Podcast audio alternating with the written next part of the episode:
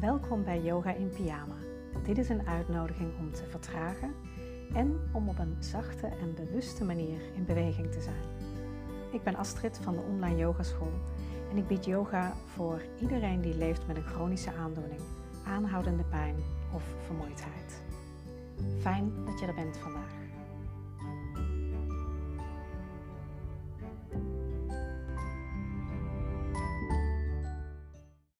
Hele tijd geleden kwam ik een verhaal tegen. Een verhaal dat ik vandaag in deze nieuwe aflevering van de Yoga in Pyjama podcast met je wil delen. Ik hou van verhalen. Het vertellen van verhalen geeft mij altijd weer heel veel plezier. Of dat nu in de toneelvoorstellingen was die ik speelde of regisseerde toen ik nog actief was in de theaterwereld, of het voorlezen aan mijn dochter toen ze nog klein was. Verhalen kunnen ons heel veel duidelijk maken. En ook dit verhaal wat ik vandaag met je wil delen, heeft um, in ieder geval voor mij weer een aantal inzichten gegeven. En die inzichten wil ik dan ook vandaag met jou delen. Dit verhaal ging over een meditatieleraar die een wit vel papier met daarop een stip liet zien aan een groep mensen. De meditatieleraar die vroeg aan deze mensen: Wat zie je als je naar dit papieren blaadje kijkt? En allemaal kwamen ze met het voor de hand liggende antwoord. We zien een stip op het papieren blaadje. En de meditatieleraar die zei toen: Ja, die stip representeert eigenlijk alle negatieve dingen in je leven. En het witte eromheen representeert alle goede dingen in je leven. Wat maakt dit verhaal dan duidelijk? Welke lessen kunnen we hier nou uithalen? En dat geldt waarschijnlijk voor de meeste van ons. Het is vrij eenvoudig om op de uitdagingen, problemen en negatieve zaken te focussen die zich in ons leven voordoen. Dit noemt men ook wel eens de negativity bias. En de negativity bias zit eigenlijk in ons instinct. Je hersenen hebben namelijk een natuurlijke neiging om naar een focus op het negatieve, oftewel het potentiële gevaar, af te gaan. Simpelweg omdat dat ons in leven houdt. Het is dus een evolutionair belangrijk om, ehm, laten we zeggen, meer te letten op een sabeltandtijger dan op een chocoladetaartje. Want bij die sabeltandtijger ligt natuurlijk de dreiging. Dus het is een heel ja, over, een overlevingsmechanisme, zullen we kunnen zeggen. En als we voortdurend naar die stip kijken, kan het zo zijn dat we op een gegeven moment eigenlijk alleen nog maar de stip zien. Dus de negatieve dingen in ons leven, de problemen, de uitdagingen die we voor ons hebben. En we vergeten dat er meer is dan dat. En dat is niemands fout. Dus als dat gebeurt, weet dan dat dat een heel normale reactie is, dat onze brein daar naartoe gaat. Het is die sabeltandtijger. Die is gewoon belangrijker dan een chocoladetaartje. We zien niet meer het volledige plaatje en dit is iets wat ons dus allemaal gebeurt. Het is eigenlijk hetzelfde als um, die beroemde roze olifant. Misschien ken je dat beeld wel. En dat is meteen ook de tweede les die ik uit dit verhaal heb kunnen halen.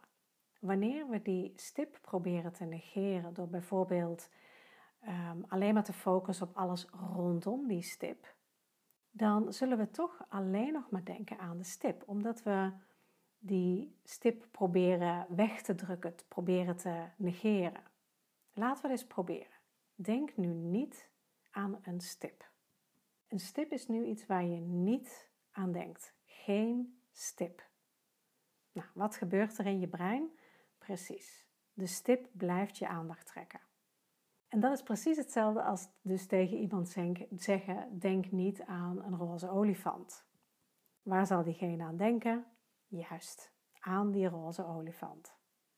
Wanneer je nu wel beide er laat zijn, dus de stip en de ruimte daaropheen, en dat is wat mij betreft de derde les, dan gebeurt er iets totaal anders. Dan krijg je een keuze waar je je aandacht op wilt richten een mogelijkheid die je van het moment af kunt laten hangen, afhankelijk van wat er nodig is. En ik noem dat ook wel de helikopterview. Het is een gegeven dat stippen altijd in ons leven zullen zijn. De grootte van die stip kan gedurende ons leven veranderen. Dus de uitdagingen en wat dat van ons vraagt, kan in ons leven veranderen. De vorm kan veranderen. Het kan iets zijn wat ehm, je naaste overkomt en impact heeft op jou.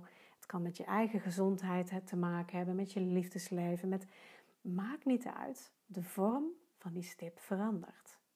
Maar niemand zal zo'n stip in het leven kunnen vermijden. We gaan allemaal te maken krijgen met dingen die we als negatief zouden bestempelen of als uitdaging, probleem, um, verdrietige dingen, zoals leven met een chronische ziekte of aandoening. Ze maken nu eenmaal deel uit van ons leven. Dat is onvermijdelijk. Maar wanneer je jezelf oefent in het uitzoomen, in het kijken naar het hele plaatje, dus net met wat meer afstand in die helikopterview kijk je naar de situatie waarin je je bevindt. Dan zie je veel meer. Je ziet dan niet alleen de stip, maar je ziet ook de ruimte daaromheen. Dat stapje achteruit zetten, zodat je naar het hele plaatje kunt kijken. Dat laat je zien dat zowel de stip dus als die ruimte eromheen er beide zijn. Onaangenaam en aangenaam bestaan altijd naast elkaar. Wij mensen laten ons vaak leiden door gehechtheid aan dat wat we fijn vinden en daarom willen behouden. Of juist door de afkeer van wat we niet willen, wat we niet fijn vinden. En dat willen we uit ons leven weg hebben. Maar zowel de stip en de witte ruimte eromheen zijn beide belangrijk.